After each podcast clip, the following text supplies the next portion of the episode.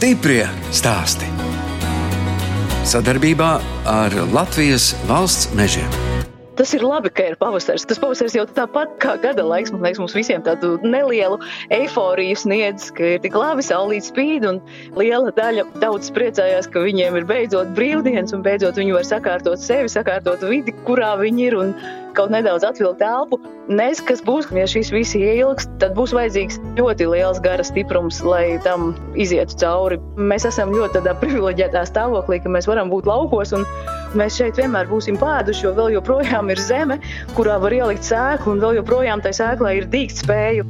Tā šī brīža norises Latvijā vērtē kazu ganāmpulka īpašniece Santa Lasmane Radzvilāviča no Ērgļu novada Jumurdas pagastas niķeriem. Es, žurnāliste Dāna Zalamane, ārkārtas situācijas laikā, kad arī Latvijas rādio darbinieki strādā no mājām, turpinu zvanīt bijušajiem raidījuma dalībniekiem un vaicāt, kā iet biznesā un ar kādām sajūtām viņi dzīvo šobrīd. Ar Santu Lasmani Radzvilāviču, bijušo rīdzinieci, kas audzēja kazas un mājputnus, tikāmies pirms pieciem gadiem. Tā ir viskaļākā tauta.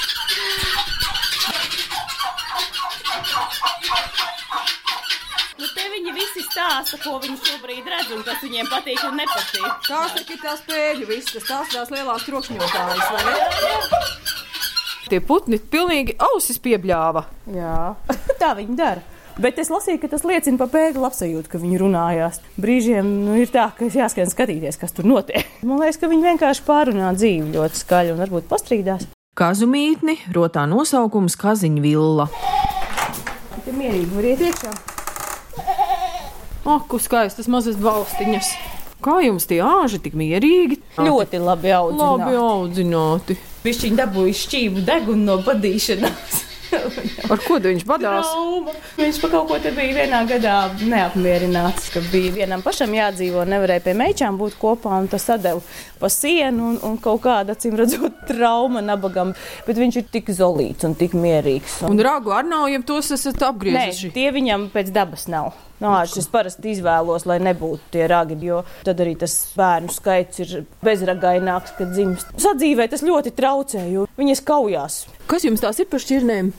Latvijas krūmkazas. Cik tas šitie veci ir? Vecāki pa četrām dienām neviens te nav. Kā man ir tās pēdējās dienas ir bijis, kad mēs dzīvojam tikai pa šajienu un viss. Piecās dienās atskrējuši 30 bērni. Un kā jūs teicāt, tikko pirms mūsu braukšanas vēl pieņēmāt dzemdības? Nu jā, reku vēl slapju, vēl mama laiza teicāt, nav šķirnes, bet es skatos klipšu ausīs, tad jau ganāmpulks centrs, centrs prasta klipšus, un tad mēs uzreiz tās spiežam, kas atzīmes līdz 20. dienai tā prasība ir, un tā mēs arī cenšamies izpildīt, jo tas arī priekš pašiem, lai es zinu, kurš ir kurš, jo nākošu gadu man darbā ies divi āži, un tad man ir jāzina, lai tur nav kaut kādā asinsradniecība, un tad jau tur ļoti smalk tā šķirošana. ļoti daudz draugi brauc ciemos, nu, ceļš vasarās, ka visas kazas ir ārā, un kad ir zaļas ganības, un daudzi atbrauc, un viņš var atnākt un to to kazu samīļot un iztaustīt, ka tie rāgi dažkārt arī mēdz būt ļoti silti. Izrādās, ka viņai tikai ir nevis augšā un apakšā zobi, bet tikai apakšā tāds. Daudz ir pilnīgā sajūsmā. Un tā mēs arī aicinām, lai, lai brauc. Un, un vasarās mums brauc ekskursijas un brauc klases no skolām, ciemos. Tad mēs tepat kādas attrakcijas uztaisām bērniem, un viņi iet ar kazām draudzēties un samīļot viņus un sačubināt. Un atkal ir vieta, kur uzcep desiņas. Vienkārši tā diena ir tā lauku vidē. Tad viņi bija paaugsies, un mammas gulēs, un viņiem būs pusdienas laika izklaide, tad viņi lēkās pa tām mammu mugurām tā kā pa batutiem. Un, un visi tādi beigas apmierinātie būs. Nē, nenāc, nenāc, nenāc. Jums ir arī tie aparāti, slaucamie, jeb nav vēl? Ir. Pirms tam ar rokām slaucu, bet šobrīd varu divas kazas vienlaicīgi slaukt. Tas, tas ir, ir droši vien liels atvieglojums. Tas ir liels atvieglojums. Ja tas nesagādātu prieku, tad droši vien to nedarītu. Nu, arī šogad tie jēri dzims, un es atnāku te un stāvu un skatos, kā viņi nāk, tas maziņš kunkulīts izkrīt, un to jau viņš jau uzreiz tur sāk ķēproties, un mamma viņu nolaiz, un, un viņš jau zina, uz kuru pusi meklēt to pienu, un mamma vēl uzbaksta un palīdz, tad viņš atrod, un viņš ir paēdis, un viņš ir nogurs, un viņš ir laimīgs, un nepaiet 3-4 stundas, ka viņam gribās uzspriņģot, un viņš ir tam četrām garajām kājām lec un apkrīt un vienalga ceļās un lec. Nu, es simtos esmu redzējis, kā viņi dzimst, gan aitu mazuļi, gan kazu mazuļi, bet man liekas, tas ir kaut kas tāds, ko var skatīties un skatīties un atkal skatīties. Es tiešām esmu bez gala priecīga, ka es varu būt šeit, šajos laukos. Jā, citreiz es esmu piekusus un nogurusi, sevišķi vasaras laikā, kad ir tās laukšana divreiz dienā un piens ir jāpārstrādā un tāpat ir ganības. Tāpat arī citi darbi vēl ir, bet eh, es pirmkārt daru to, kas man patīk. Santa ir arī mairažotāja un no kazas piena gatavo sieru. Pirmo gadu es ļoti eksperimentēju. Es mēģināju visu kaut ko, katru reizi kaut kādu citu receptu, un arī nevarēju uzkost tos knifus, kāpēc vienreiz sanāk garšīgs un otrreiz nesanāk garšīgs. Un cīnījos, bet man likās, ka man vajag to gala produktu tādu, kas man pašai garšo pēc tāda principa, kā sien tos ātros sierus, vai pilnīgi kaut kas savādāks? Šis ir tāds kā ātros sierus. Esmu eksperimentējis ar fermentiem un taisījus, nu, kā mozzarella un, un tādus. Ātrais siers, tas aiziet visātrāk. Tam ir vislielākais pieprasījums. Tas nav tāds tikai ātrais siers, tas ir pat apkūpināts. Nu, šis, jā, Bet man ir vairākas tās šķirnes, kādas es taisu. Ir grilēts siers, ir arī pilnīgi bez jebkādām piedevām, bez sāls, bez cukura. Ļoti tāds dabīgs un daudziem cilvēkiem, ceļš vasaras periodā salātos, garšo. Viens no tādiem, kas arī ļoti aiziet, ir um, purciņā, seļas marinādē ar čiplociņu, ar, ar baziliku, raudeni. Man liekas, ka kāds siers vispār ir vasaras produkts. Tad, kad sākās salāti un tad, kad sākās tas siltais laiks, kad cilvēkiem gribās kaut ko vieglu apēst, tad kāds siers ir tiešām topā. Santa Lasmane Radzvilāviča stāsta, ka ikdienu laukos krīze īpaši neietekmē. Darba ziņā krīze noteikti nav, jo vienalga, kas notiek pasaulē, visi tie procesi, kas lauku sētā ir, tie, protams, turpinās tieši tādā pašā veidā. Es ceļos stipri agri, piecos, pussešos, lai es varētu kaut pusstundu mierīgu sirdi padzert kafiju, palasīt, padomāt. Tad nākošā rutīna, kas man pieder pat laukos dzīvojot, man ir pastaiga ar suņiem. Mēs ejam uz mežu, izstaigājamies, izskrienamies, izspēlējamies. Pat visu dienu esot svaigā gaisā, man patīk vēl pieķert tos dažus rīta kilometrus. Un kādreiz tie ir divi kilometri, kādreiz tie ir trīs, kādreiz pieci. Nu kā kuro rīta sanāk, bet tas rīta aplis mums ir. Un pavasarī putniņi jau no rītiem sāk čivināt un, un tas svaigums, kas ir gaisā. Un arī tajās dienās, kad lietus līst, kvēši uz te kalna galā pūš sevišķi patīkam nav, bet cepuri tur kapucis virsū, un tad jau ir labi. Krūmu kazu vietā tagad Santa veido ganāmpulku ar zānes šķirnes kazām, kas dod vairāk piena. Santa joprojām ir arī mairažotāja, un tas nozīmē, ka viņu, kā tas šobrīd ir ar daudziem goju ganāmpulku īpašniekiem, neietekmē piena cenu samazinājums. Sieru veidi daži ir nākuši klāt.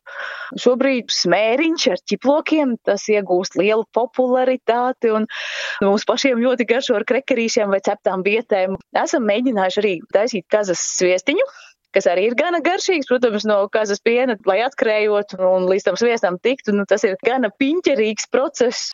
Tuvākam lokam un pašu vajadzībām, protams, mēs ēdam tikai kazas sviestu. Biespiens arī ir palaists tautiņās, kā kaut kas ļoti gards un vērtīgs. Nedaudz top gatavināties ieri, čederveidīgie. Un fetas sieriņš, tas gan būs pieejams droši vien vasaras viducī.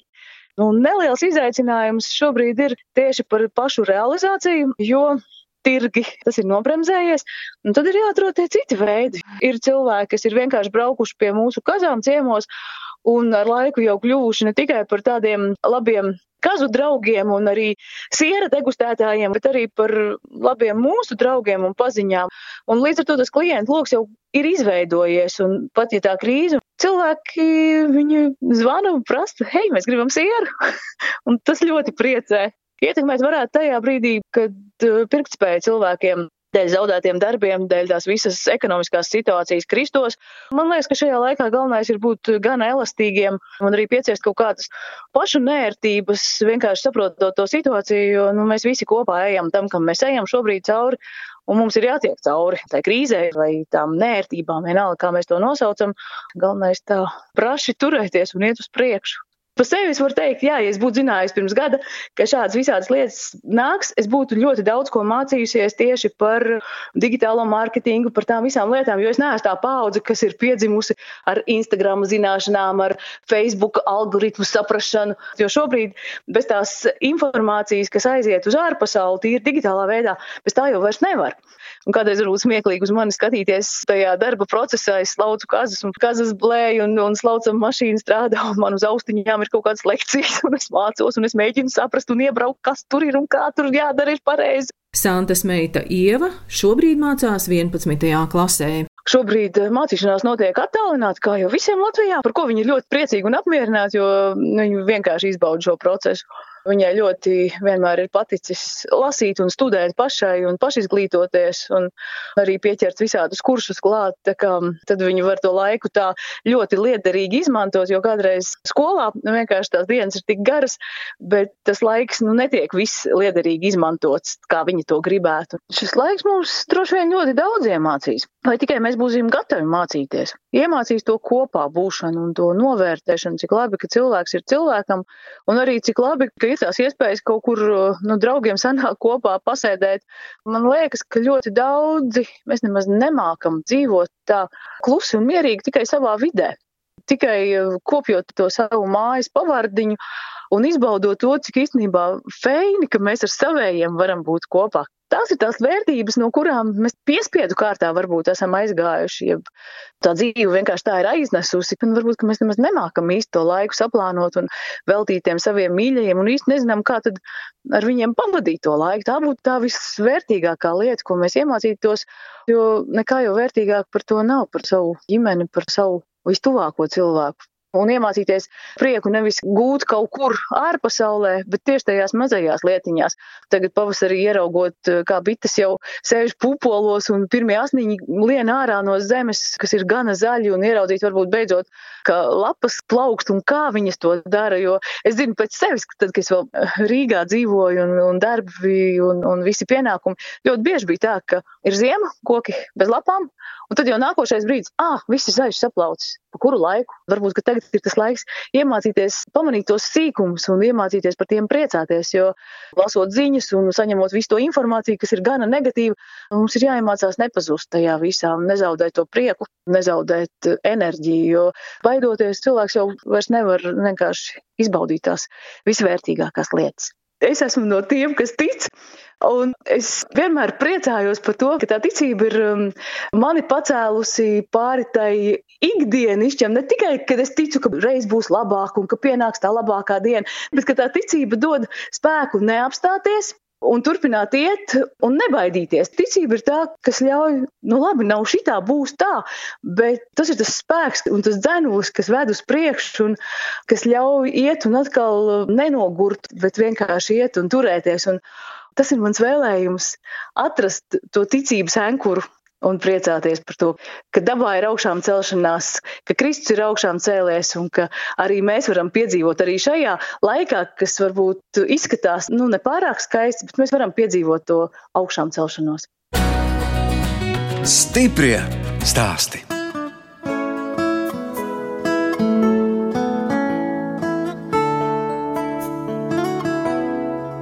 Skan raidījums stipri stāsti, un tagad dosimies uz skrīveriem pie kalēja amata meistara Aivara Grīnberga un viņa sievas uzturas speciālistes Baibas.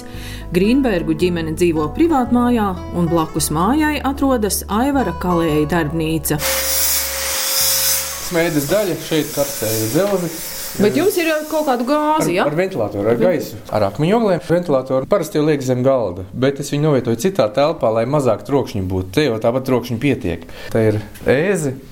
Un visi pārējie kalēja instrumenti, kā lakta un skrūspīles. Un un dažādi āmuri. Kā jau man parasti arī saka amatnieki, nestoties cik liela darbnīca, katrā darbnīcā vajadzīgi gandrīz visi instrumenti, jo jātaisa viss kaut kas. Jā, jo vairāk instrumenti, jo vieglāk strādāt. Bet eh, kalēja darbnīcā arī varētu iztikt ar krietni mazāk instrumentiem. Protams, jo vairāk instrumentu, jo lielāks piedāvājums, ko var izpildīt. Bet lielāko daļu no kalēja darba instrumentiem pats kalējs var izgatavot. Ja ir daudzi rokas instrumenti, kā piemēram spīles vai cirkņi, tie visi ir paša kalēja izgatavoti. Bet Aivaram ir ārkārtīgi skaisti darbi. Viņam iet darbi gan uz Angliju, gan uz Zviedriju, tās ir tik skaistas kāpņu margas un, un balkonu margas. Un es esmu pilnīgs uh, savu vīra fans. te var redzēt, cik smalki ir tie darbi, kādi te visi ir tie zīmējumi, un tad Jā, vispirms nu, top skice. Vispirms ir skice dabīgā izmērā. Un tad, kad tā skice dabīgā izmērā ir izgatavota, tālāk es uz tās skices virsū lieku savus kalumus, kurus es piemēru vai atbilst tam vēlamajam rezultātam. Tālāk ir tīra apstrāde, tad krāsošana un tad uzstādīšana. Tā kā jums pašam ir tādi skaisti sēdes vārti, nokalti, kāda jums tur bija tā doma, tur arī tāds īpašs dizains. Ar tiem vārtiem bija tā, ka zīmējot skices, man bija doma piedāvāt kaltus vārtus kādiem cilvēkiem.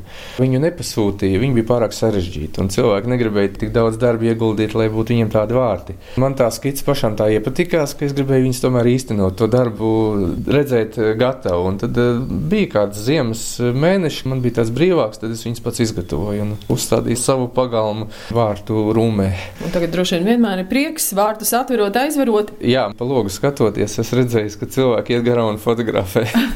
nu, redz, tā jums ir uh, lielākā reklāma, vai ne? Pašam skaisti vārti. Jā, bez patikšanas laikam nav iespējams tādu darbu strādāt, jo darbs ir diezgan netīrs un smags un nav no tiem viegliem darbiem. Mani motivēja tas, ka es izprotu vai saprotu to metālu, kā metāls uzdās tad, kad viņam izdara spiedienu jebkādu. Cik stundas dienā te jūs pavadāt savā darbnīcā? Kā kuru dienu. Patīk arī mans darba režīms ar to, ka gan tiekos ar klientiem, vajadzīgi materiāli. Es braucu uz Rīgu pēc materiāliem, un tajās dienās, kad ir brauciens uz Rīgu, tā man tāda relaksēšanās diena. Tajā dienā es darbnīcā neesmu.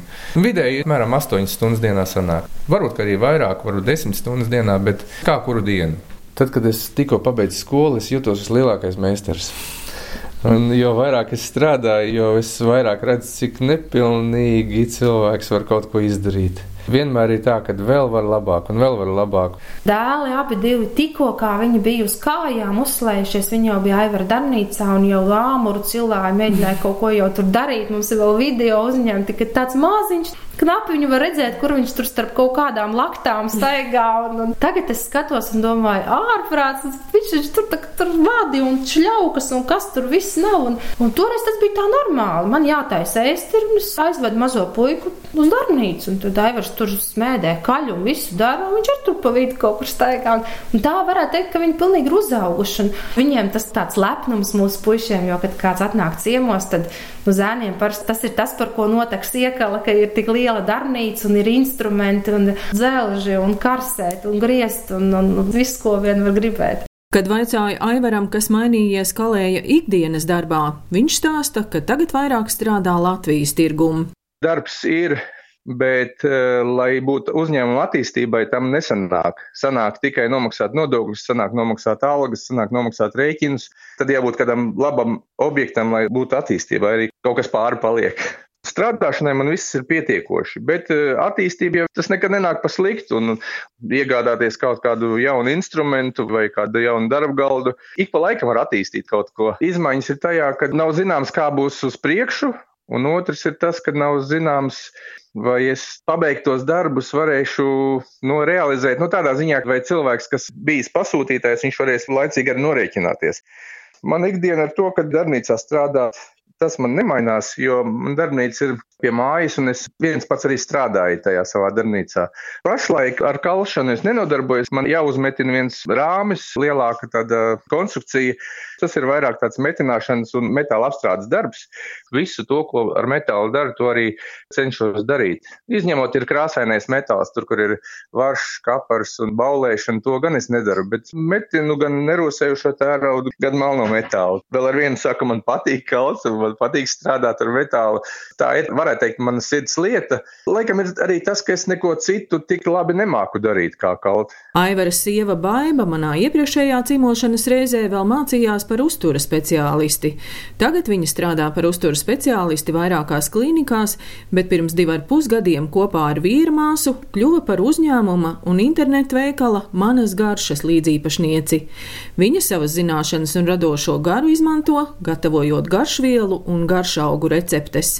Nu, jau ir atsauksmes arī no Itālijas, no Hongkongas un no citām pasaules vietām, ka mums ir ārkārtīgi netipiski tie maisījumi. Viņus pat nevarētu nosaukt tikai par garšvielu maisījumiem, jo, piemēram, viens no tādiem populārākajiem produktiem, kas mums ir, ir upeņu Tasmānijas piparu sāls, un tur ir upeņu pulveris no Krimuldas un Tasmānijas piparu no Austrālijas, un vēl klāt ir Himalaya sāls, tas ir ļoti mūsu populārs maisījums.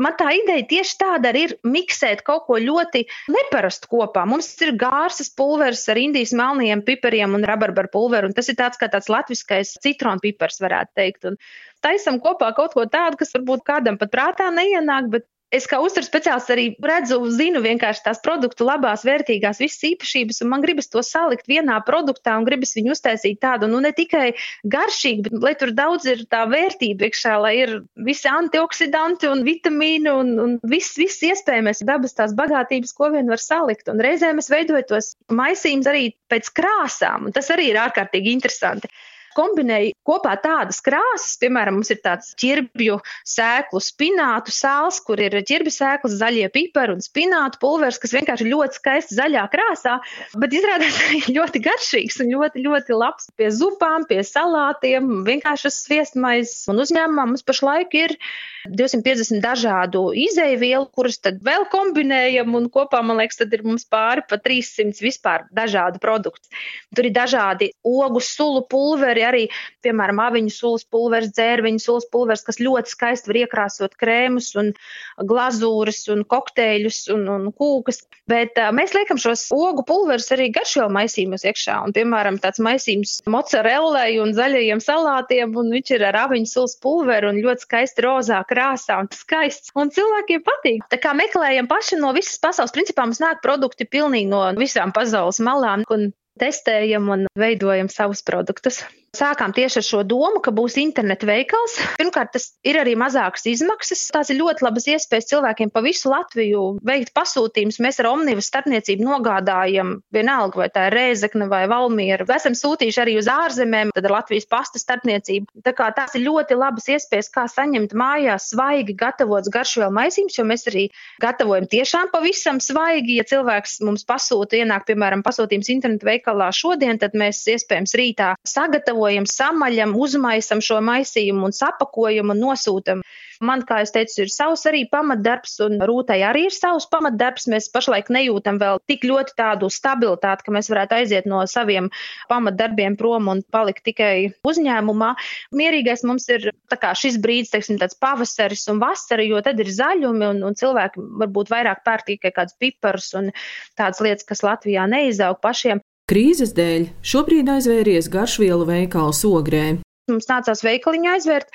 Otra lieta, mēs arī aktīvi taisījām meistarklases. Mums ir tāda jauka telpa ogrē, un mēs eh, devām cilvēkiem iespēju piedalīties un pašiem taisīt garšvielu maisījumus. Mums bija doma taisīt reizi mēnesī tādas eh, garšvielu iepazīšanas dienas, un ar šo visu Covid krīzi mums nācās arī visus šos pasākumus atcelt. To mēs uzreiz izjūtam, jo kā šos pasākumus nācās atcelt, arī, protams, ka ienākumi strauji samazinājās.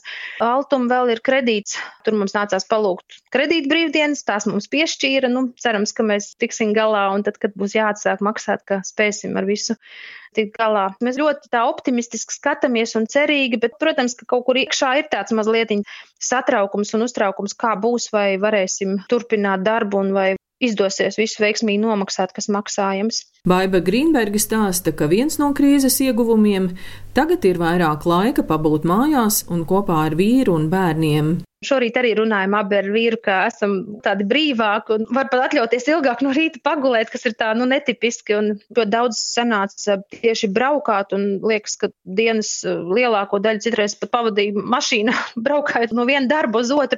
Tad tagad ir vairāk brīva laika, un es varu domāt par kādiem jauniem produktiem un sadarbības iespējām. Varbūt pat mazliet žēl, atskatoties, ka tik daudz esmu skrējusi un bērni tomēr bija mazāk.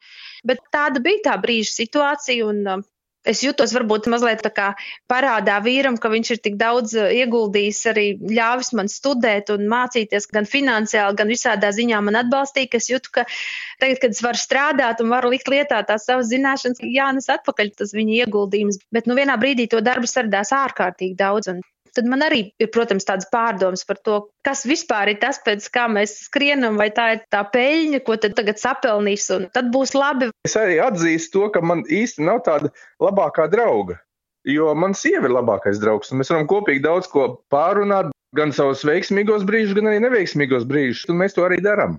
Grīnbergu ģimenē aug trīs bērni, un mājā bija paredzētas meitas kāzas. Elīnai ir 20 gadi, Viņa jau uzsāks tādu puslīdz patstāvīgu dzīvi, arī Rīgā ir darbu dabūjusi un um, bija ieplānojuši un cerējuši ar savu draugu, ka varēs tagad maijā salauzties, bet pienāca ziņa, ka pat laulāties nedrīkst. Nekādas kāzas nedrīkst notikt. Tā kā pašlaik viņi ir uz tādas jautājuma zīmes, ko darīt, vai atlikt, vai salauzties tikai tā, ka varbūt tikai mācīties salauzā divatā un tad kāzas svinēt, tad, kad drīkstēs. Tagad dēļ šīs krīzes, vīrusa, abi jaunākie bērni, dēli ir pie mums mājās. Egīls vecākais Lielākais dēls viņam vasarā būs 18 gadi.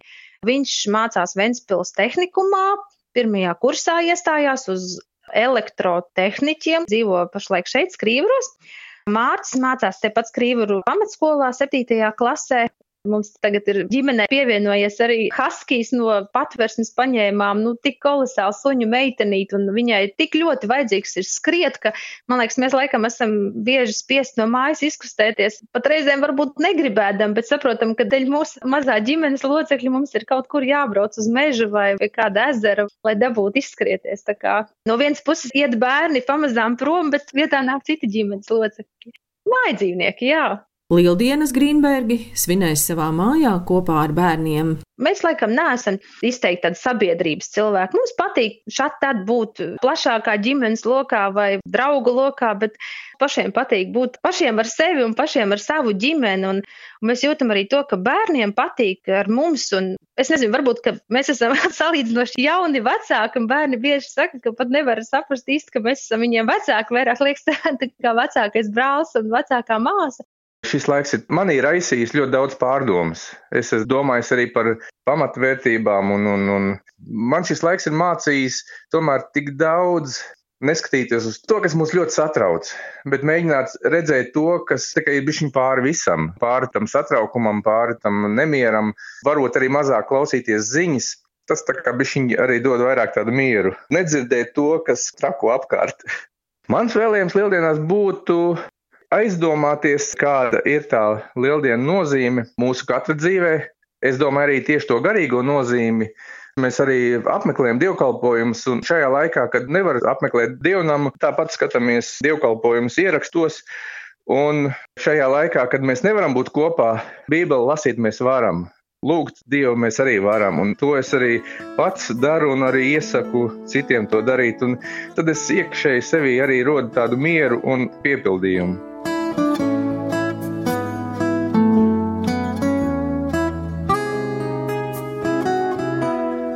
Radījums stipri stāst izskan, un es atvados no Grīnbergu ģimenes, kas dzīvo Skrīveros, kalēja Aivara un uztura speciālistes Baibas, kas divi ar pusgadus darbojas uzņēmumā Manas garšas, bet Santa Lasmane Radzvilāviča, ērgļu novada Jumurdas pagastas niķeros, audzē kazas un gatavo sieru, sviestu un citus produktus no kazas piena.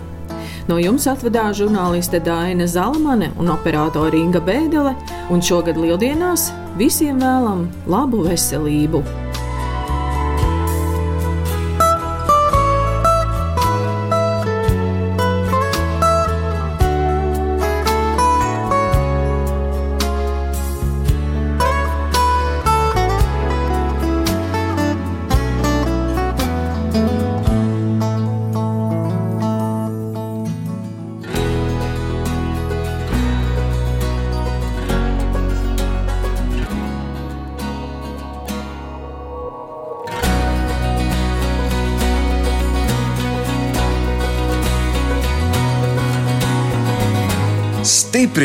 Stāsti.